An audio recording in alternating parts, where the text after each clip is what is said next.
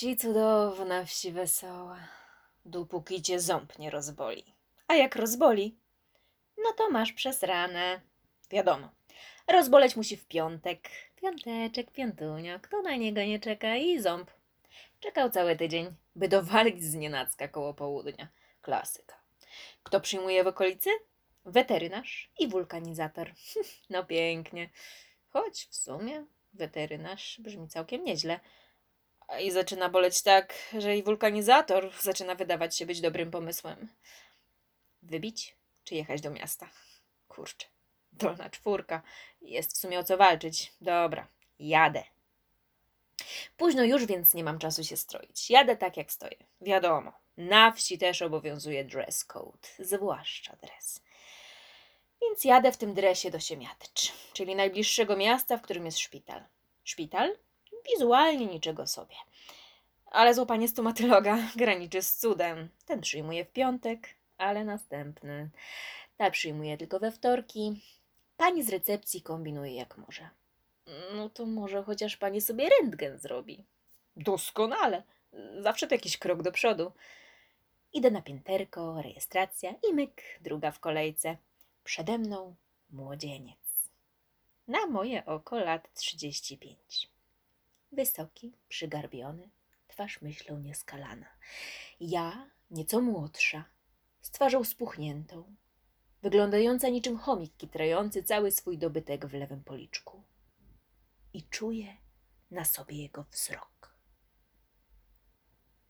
Wypatrzył ofiarę, czai się, za chwilę zaatakuje. Nie patrz na niego, a unikniesz nieuniknionego. Nie uniknęłam. No cześć, ząbek boli? Walnął. Nie, skąd? Tak sobie spuchłam, pomyślałam. Jak się nazywasz? Ciągnie dalej. Kasia, wystepleniłam. No ładnie, a z jakiej wsi jesteś, Kasia? No doskonale. Czy ja mam na twarzy wypisane, że jestem z wioski? Czy cytując klasyka, jestem ze wsi, to widać, słychać i czuć? Czy jakoś tak? Potem spojrzałam na swój dres. Cholera, faktycznie to widać, a może i czuć.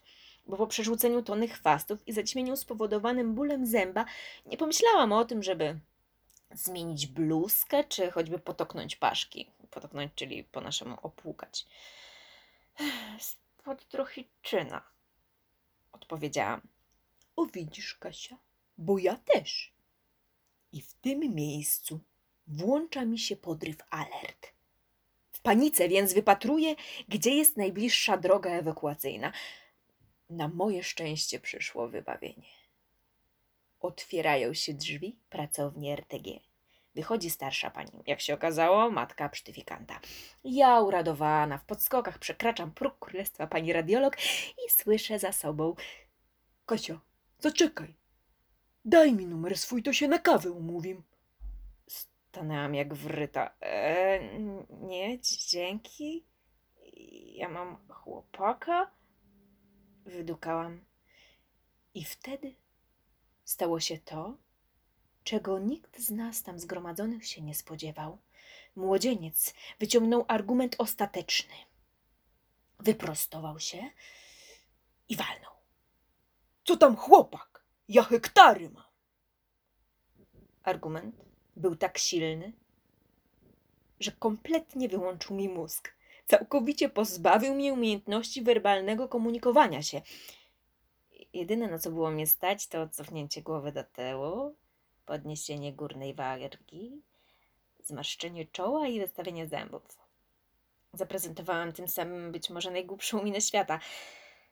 Pani radiolog, widząc powagę sytuacji, szybko zamknęła drzwi. Spojrzała na mnie i moją minę, na drzwi, znów na mnie, po czym obie obsmarkałyśmy się ze śmiechu.